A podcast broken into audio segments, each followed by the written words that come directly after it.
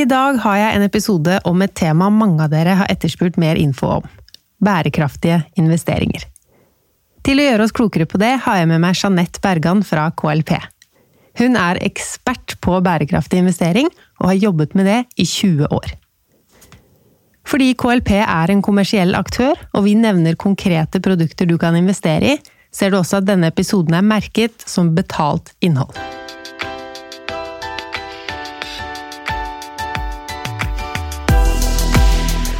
Hei, og velkommen til Pengesnakk podkast.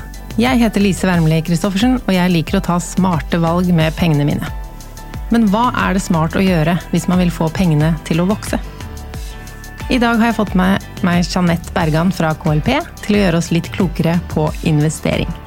Velkommen hit. Takk for det. Hei. Jeanette, kan du fortelle oss litt om hva det er du jobber med?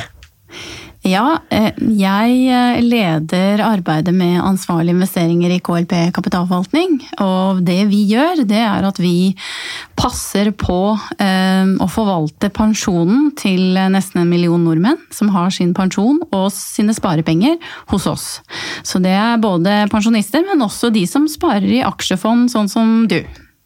Ja, Så de fleste av KLP sine kunder de er gjennom sin pensjonsordning en del av KLP? Ja, mange av, eh, av, våre kunder har sin pensjonsordning hos oss. Eh, men vi har også veldig mange andre kunder som sparer i fond. Enten via sin arbeidsgiver, eller eh, som, som også da har pensjonssparing. Eller at det er private som investerer direkte i våre fond for egen sparing. Og min rolle oppe i, hos KLP det er å passe på at pengene forvaltes på en ansvarlig og bærekraftig måte. Så jeg jobber jo ikke så mye med det finansielle, egentlig. Jeg jobber veldig mye med etikk, bærekraft, menneskerettigheter, miljø osv. Så, så de som har pensjonspengene sine i KLP, kan de velge om de skal ha en bærekraftig profil, eller er alle investeringer mer bærekraftige enn man finner andre steder? KLP um, er en, uh, en fellesordning uh, for de som er kunder og eiere av KLP. For det er jo også spesielt med KLP at de er eid av kundene sine. Så det som er fint med det, er jo at kundene får bestemme hvordan pengene bl.a. skal forvaltes, og hvilke eh, etiske prinsipper som skal legges til grunn da gjennom at styret vedtar disse retningslinjene. Og eh, det har styret i KLP gjort. De har etablert veldig strenge retningslinjer for forvaltningen. Eh, og har lang erfaring med å utvikle dette området. For eh, KLP bestemte allerede i 1999 at de ikke ønsket å investere pensjonspengene i tobakksselskaper bl.a. Og så har det siden den gangen utviklet seg veldig til å hensynta miljø, menneskerettigheter, korrupsjon Eh, kull, oljesand og eh, flere andre områder. Men i tillegg til pensjonen, så er det jo det at man kan investere penger selv. Spare pengene sine. Og noen av de som hører på her, de investerer mye allerede. Mens mm. andre er helt ferske. Ja. Er det sånn at investeringer i aksjemarkedet er for alle? Ja, det vil jeg si. Eh, når man investerer i et fond, eh, et aksjefond f.eks., så er det eh, noe alle kan gjøre, og de fleste burde gjøre. Fordi at vi kommer til å leve lenge, og pensjonsordningene er kanskje ikke alltid gode nok. Og det å spare litt ved siden av, og få med seg den verdiskapingen som faktisk skjer i aksjemarkedet, eh, som er på en måte representativt for den økonomiske verdiskapingen i verden, det er veldig lurt. Og hvor mye bør man spare, da? Eller investere i fond? Man bør spare jevnt og trutt, det er det vi anbefaler. å ha en spareavtale. Og den kan du jo velge etter evne hvor mye du ønsker å, å spare. Eh, mange sparer 500, noen sparer 1000, noen sparer mer. Det er, men det er veldig lurt å, å spare litt, og gjøre det eh, hver måned. Ja, helt enig, og jeg liker at du sier at man kan spare litt. For jeg tror mange tenker at hvis man først skal begynne å investere, så må man satse så store summer. Mm. Og det kan virke litt skummelt. Og jeg tror mange kjenner seg igjen i hvordan jeg jo hadde det for fem år siden, før jeg hadde investert noe, at det virker skummelt å skulle satse sparepengene. Hva kan du si til de som sitter på gjerdet og er litt usikre på om dette er for dem?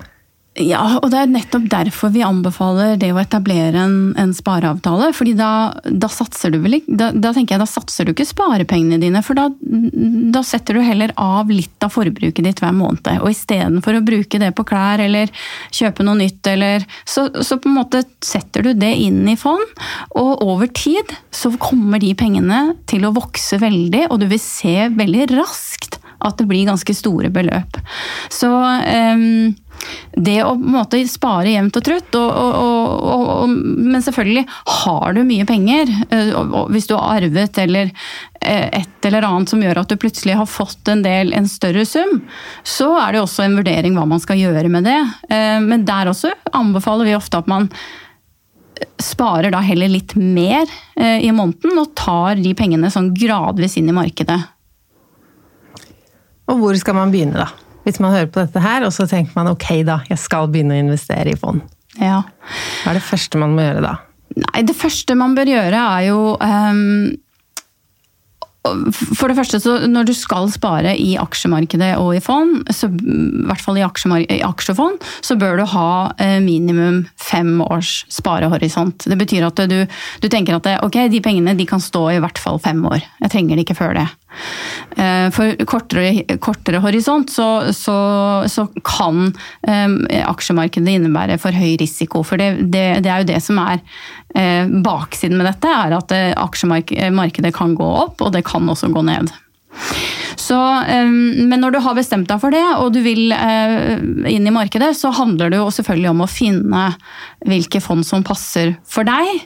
Og ikke minst er det viktig å eh, forholde seg til og finne ut av hvor mye det koster. For det, når du skal spare penger, så er det sånn at eh, jo billigere du kan få på en måte det samme produktet, jo bedre er det. Fordi kostnaden den spiser, spiser av den avkastningen du får. Sånn at eh, det er litt sånn eh, motsatt av mange andre eh, områder, kanskje, men her er faktisk som oftest billig veldig bra. Så eh, se på kostnadene og se litt hvilke type fond som passer for deg. Og da eh, handler det jo litt om hvilket verdigrunnlag du har og hva du ønsker å investere i. Um, og der begynner det heldigvis å komme litt eh, bedre fond og, og et større eh, bredde i markedet med å tilby fond som, som tar bl.a. av etisk og bærekraftig hensyn uh, når, når, når de investerer. Så hvordan skal jeg finne fram i denne jungelen? Er det noe jeg må søke på, eller hvordan kan jeg vite Altså Det finnes jo så innmari, innmari mange fond. Det finnes kjempemange fond, og derfor så har jo KLP valgt å, å, å lage disse svanemerkede, eh, mer samfunnsansvar-fondene våre. Og bakgrunnen for det er jo nettopp fordi at eh, det er veldig veldig krevende for folk flest. Og eh, mange syns jo det er vanskelig bare å forstå hva et fond er. Og, eh, og derfor så valgte vi å velge Svanemerket da vi skulle um, lansere våre mer samfunnsansvarfond. Og og det er litt viktig, fordi Svanemerket er en uavhengig Det er jo Nordens miljømerke. Og de setter opp da regler som gjelder for disse fondene. Eh, både i forhold til hva fondet kan investere i, men også eh, hvordan vi skal bruke stemmeretten vår på generalforsamlingen i selskaper. Eh, at vi skal ha dialog med selskaper. Så det er mange krav til forvaltningen av disse fondene som da settes av dem. Pluss at vi må dokumentere hvordan vi gjør det. Så det er en ganske omstendelig prosess. Og Svanemerket er også ganske godt kjent i befolkningen. Eh, sånn at eh, det mener vi i hvert fall er trygge eh, produkter å velge hvis man ønsker å ha et produkt med en bærekraftig og ansvarlig profil. Ja, man tenker jo kanskje først og fremst på liksom såper og vaskemidler når man hører på svane, eller man ser det svanemerket, men man skjønner jo med en gang hva det innebærer. At her er det noe som er bedre for meg og miljøet. Mm. Et spørsmål jeg får fra veldig mange er Holder det om jeg finner ett fond, og så kan jeg satse alt der? Eller må jeg bygge opp en portefølje av ulike fond? Det holder egentlig eh, med ett fond. Eh, selv så sparer jeg i eh, KLP Aksje Global mer samfunnsansvar. Som, som, fordi det er et globalt aksjefond som investerer i alle de største markedene i verden og i 750 selskaper. Og det på en måte representerer eh, egentlig den viktigste verdiskapingen i, i, i, verden. Så det er et veldig veldig godt produkt, og det er godt diversifisert. Og, og på en måte har eh, Du får med deg den, det, det viktigste. Men, men, det er klart, er du spesielt interessert og har lyst til å ha um, tror med altså Hvis du er opptatt av hvordan går det i ulike markeder og regioner regioner og vil på en måte ha uh, mer i fremvoksende markeder og sånne ting, så er det mulig å på en måte velge flere fond. Men det er ikke nødvendig for en, en, en småsparer eller en som bare vil ha litt sparing uh, i, i aksjemarkedet. Jeg har jo tidligere investert alt i globale indeksfond, mm. men nå har jeg bytta og begynt å heller investere i KLP aksjeglobal mer samfunnsansvar. Hva er den største forskjellen på det vanlige globale indeksfondet jeg hadde, og nå dette svanemerka? Den største forskjellen, eller det som er hele forskjellen, det er at det fondet, det har ikke eh, selskaper innen fossil energi. Så det er altså fritt for oljeselskaper, olje og gass, kull, olje sånn. Det, eh, det siste er også ute fra det globale fondet, men det er ingen fossile energiselskaper. Og ingen våpenselskaper. Ehm, og så er det kun investert i de selskapene som har en god rating på eh, samfunnsansvar. Så ehm, eh, det er eh, da istedenfor at det er kanskje ca. 1500 selskaper som det er i global indeks, så er det 750 selskaper som kvalifis som kvalifiserer for å være en del av dette svanemerkede aksjefondet. Så når dere har laget dette fondet, har dere mest tenkt på da hvilke som skal vekk? Det høres sånn ut at det er de som ikke kvalifiserer. Men er det også noen ekstra bærekraftige eh, selskaper som får lov å være med i dette fondet? Ja, det er sånn at øh, Først så tar vi jo selvfølgelig bort alt som må bort, fordi det er veldig strenge krav til det for å få dette svanemerket. Da, og for å oppfylle det forvaltningsmandatet vi har satt på fondet. Så da tar vi jo bort alle disse selskapene som har mer enn 5% inntekter, f.eks. fra da, olje og gass øh, osv. Og, og våpen. Eh, og så øh, alle andre som er utelukket fra KLP. Alle KLPs investeringer, de er allerede ute.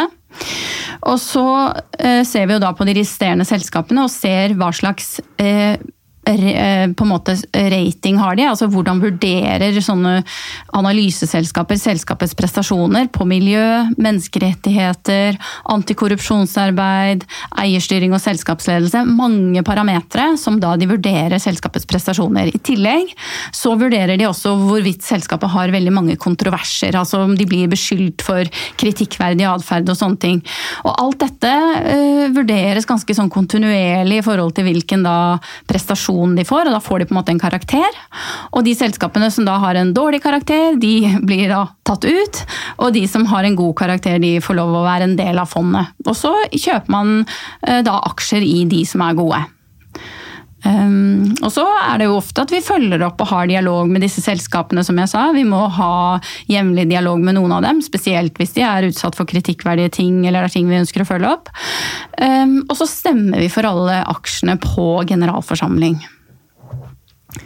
Man skulle kanskje tro, eller jeg ville kanskje tenkt at uh, ut forskjellen fra et globalt indeks, at her gjør dere jo en mye større jobb, og at mm. dette da ville vært et dyrere fond å investere i.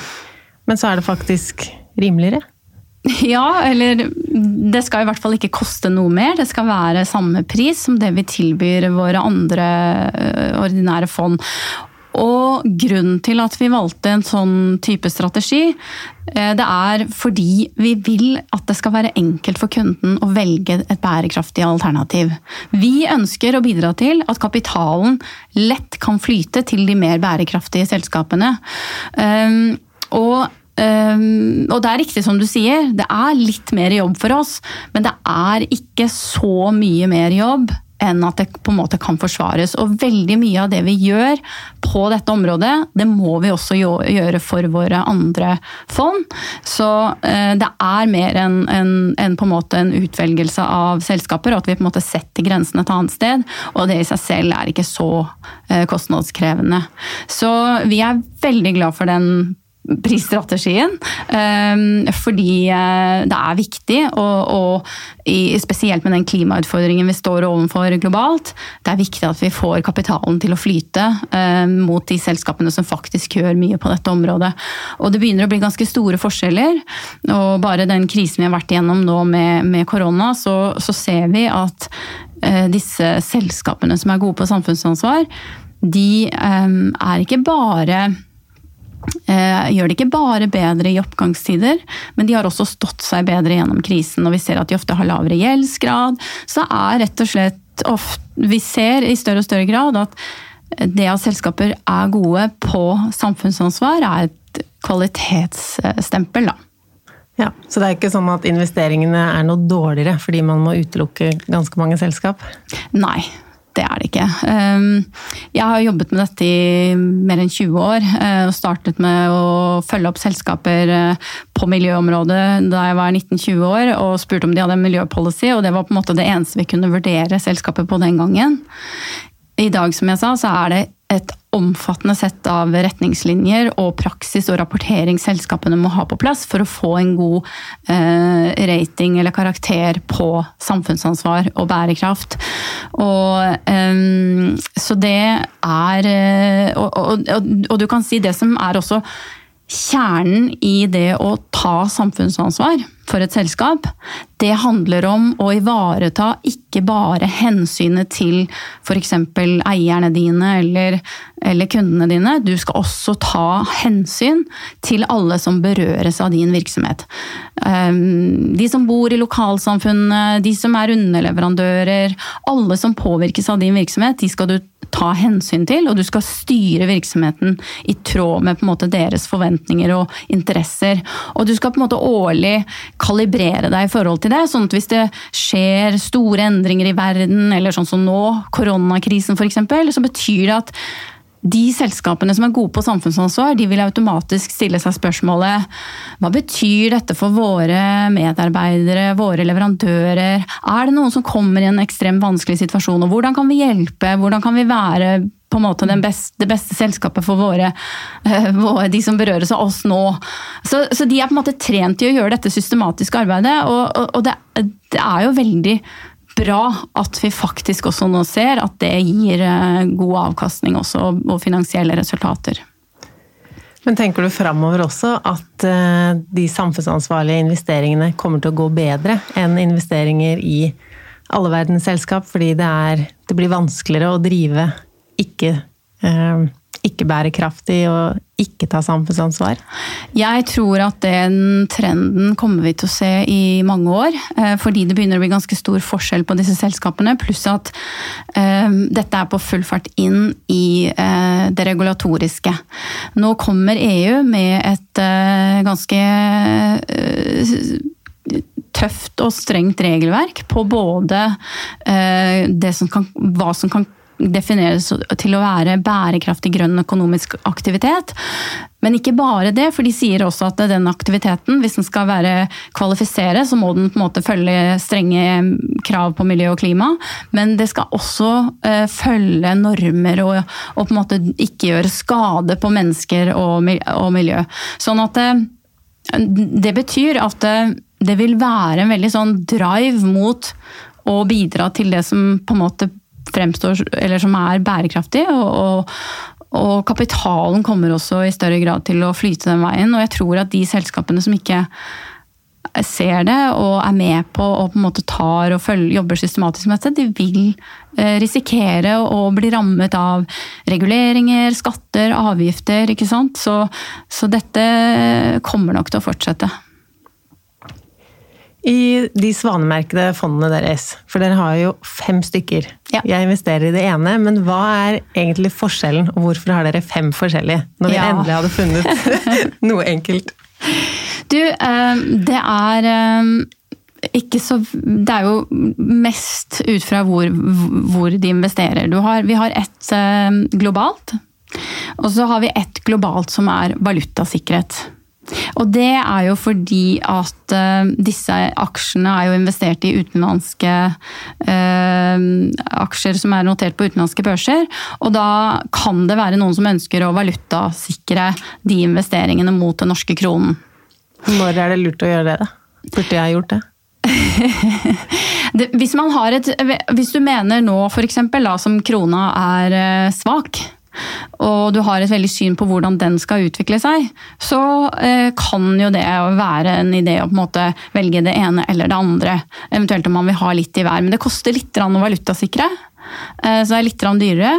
Og eh, Eh, personlig har jeg ikke gjort det, fordi jeg har ikke noe spesielt syn på om krona skal den ene eller andre veien. på en måte, og, og tenker at det er ikke så viktig for meg, men, men det, er, det, er, Hvis man visste når det var lurt å gjøre det, så, så kunne man kanskje vært, eh, vært, enda rikere. Det med timing i markedet, både når det gjelder valuta, men også når det gjelder eh, når man skal gå inn, f.eks., eh, det er ekstremt vanskelig.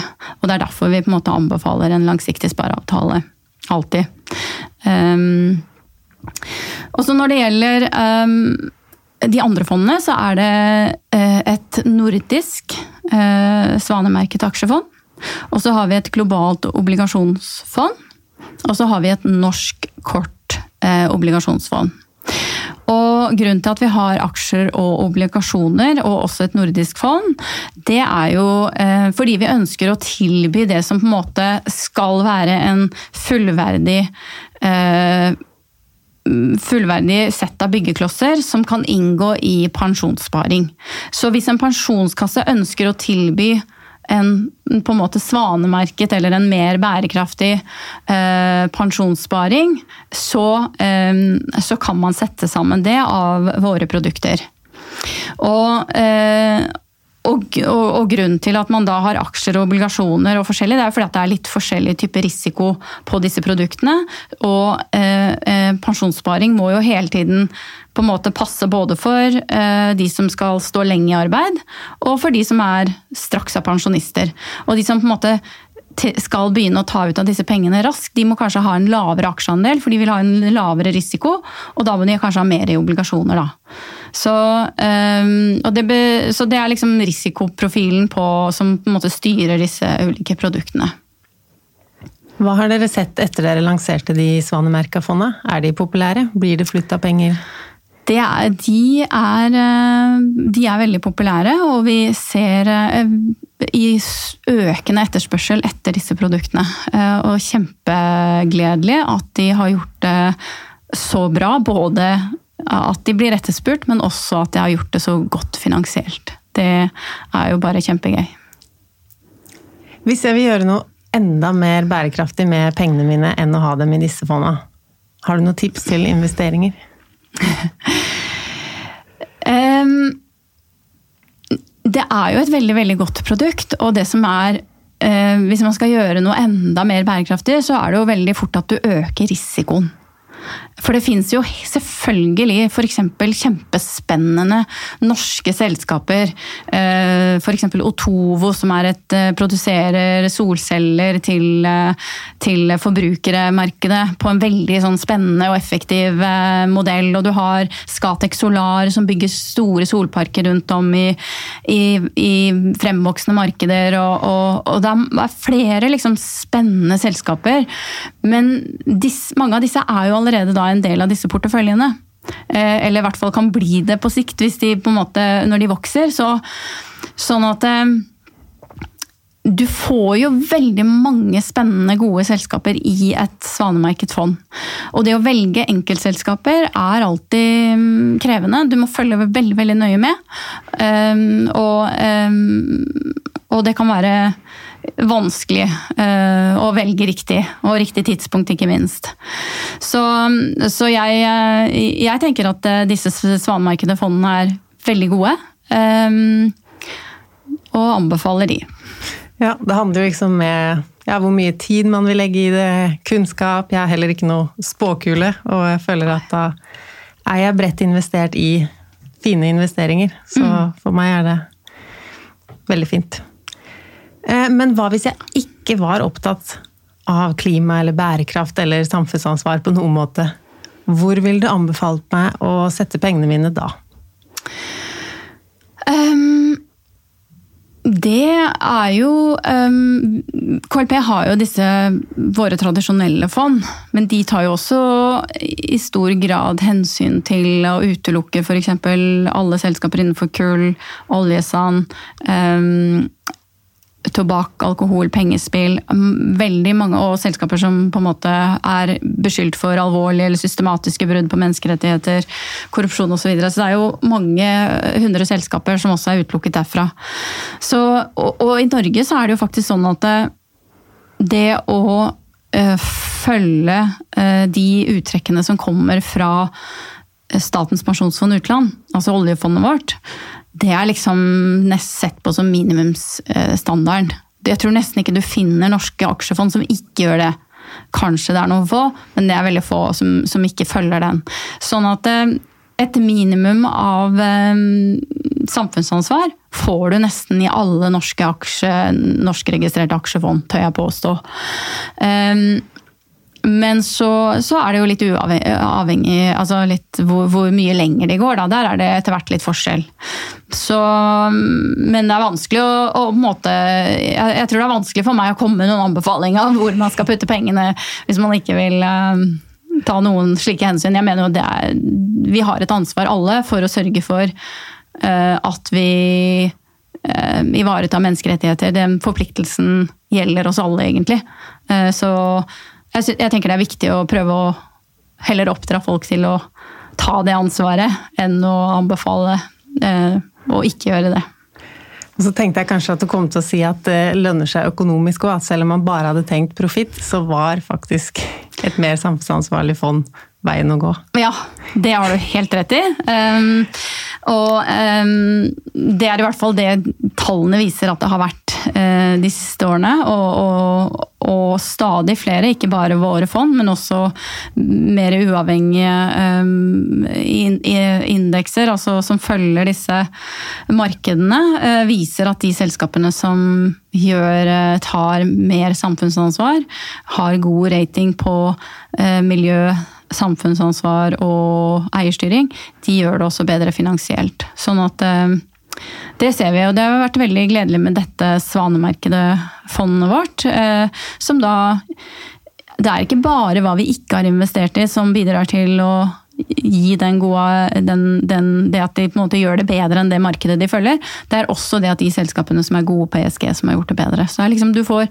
eh, du har både unngått noe som ikke har gått så bra, og så har du i tillegg investert litt mer i de som har gjort det bedre. Og eh, for de som ikke investerer noe i dag, eller som vil flytte pengene over, må man være kunde hos KLP, eller hvordan får man tak i disse svanemerkede fondene? De får du tak i stort sett eh, de fleste steder, egentlig. Eh, våre fond selges av S-banken, DNB. Veldig mange tilbyr våre fond, og du kan de fleste steder få tak i det. Eller så kan du gå inn på klp.no og kjøpe de der. Det er også veldig lett. Bare noen få klikk og tastetrykk, og så kan du opprette spareavtale, og um, så går den sånn uh, regelmessig hver måned inn i, i fond. Ting har blitt enklere. Heldigvis. og så har jeg et siste spørsmål, og det handler om de som har vært investert en stund og kanskje begynner å nærme seg pensjonsalder eller allerede er pensjonister, og så vil de begynne å ta penger ut av fond. Ja. Hvordan må man gjøre det? Skal ta alt på en gang, eller litt og litt? Eller må man begynne å følge med når det markedet svinger? Eh, timing er ekstremt vanskelig. Eh, så eh, det handler vel mest om når du tenker at du har behov for de pengene, og hva du skal bruke de til. Eh, så at du tar ut til det du eventuelt skal bruke det til, og, og ellers så kan det egentlig bare stå. Um, men når man sier var... at du skal ha en fem års horisont for å gå inn, ja. burde jeg da ta de ut fem år før jeg trenger de? Nei, det vil jeg ikke si. Det, det tenker jeg Jeg tenker at jeg ville tatt de ut når jeg trenger de. Ehm, men det er klart at hvis du har sittet i markedet over lang tid, og du, og du ser at nå har jeg hatt veldig god avkastning, eh, nå har markedet gått, eh, hatt en positiv avkastning i veldig, veldig mange år, så det man kan gjøre, vurdere da, det er jo at man faktisk tar gevinst, men så bare reinvesterer du noen av pengene på nytt, på en måte, og kommer inn på et, eh, på, på et nytt tidspunkt. da. Um, men, eh, så man kan på en måte ha en formening om når man tenker at nå har jeg fått god avkastning, men samtidig når man har en spareavtale, så har man jo startet hele tiden. Så da har du liksom bare en del av det markedet som, som går oppover. Så jeg tenker at um, det, altså hvis det skjer store ting sånn som nå, um, med, med f.eks. koronakrisen, så falt jo markedet veldig. Um, og det, det, er jo sånne tidspunkt som på en måte ofte kan trigge både kjøp og salg, litt avhengig av hvor man er. Ehm, men, men samtidig så har vi jo sett at markedet har hentet seg overraskende raskt inn igjen. Eh, og ehm, det globale aksjemarkedet var jo tilbake til null bare for noen dager siden. Eh, og så har det jo nå de siste dagene igjen eh, falt en del igjen. Så det er ekstremt vanskelig å vite om det nå er eh, bare begynnelsen på en lang nedgang, eller om vi på en måte har vært gjennom en nedgang hvor vi nå er på vei tilbake. Vi håper jo det, i og med at det nå kommer disse store redningspakkene og på en måte myndigheter i alle land forsøker alt de kan å på en måte stimulere økonomien og redde arbeidsplasser og på en måte få hjulene skikkelig i gang. Ehm, men samtidig så klart vi som sitter og følger med på selskaper og, og følger markedet. Så klart Man er jo bekymret for de langsiktige økonomiske konsekvensene av denne krisen. Og at det kommer til å bli turbulent i aksjemarkedet fremover, det tror jeg. At det kommer til å gå mer opp og ned enn det kanskje har gjort de siste ti årene siden finanskrisen. Så um, Men den som kunne time topp og bunn, både i forhold til kjøp og salg, den ville vært veldig, veldig veldig rik. Eh, og det er ikke noe vi råder eh, våre kunder til å gjøre, fordi det, det er langsiktig sparing som gjelder. Og så eh, etter fem år, hvis du da trenger penger til noe, så er det da jeg tenker du skal ta det ut når du har sittet og fått en god avkastning. og, og og skulle det falle mye, så er det viktig å prøve å holde hodet kaldt. Og ikke være, bli stresset og ta pengene ut, fordi eh, mest sannsynlig så vil markedet komme tilbake på et eller annet tidspunkt, og det er den oppgangen du gjerne skal ha med deg. Tusen takk for at du kom hit til Pengesnakk podkast, Jeanette Bergan, leder for ansvarlige investeringer i KLP.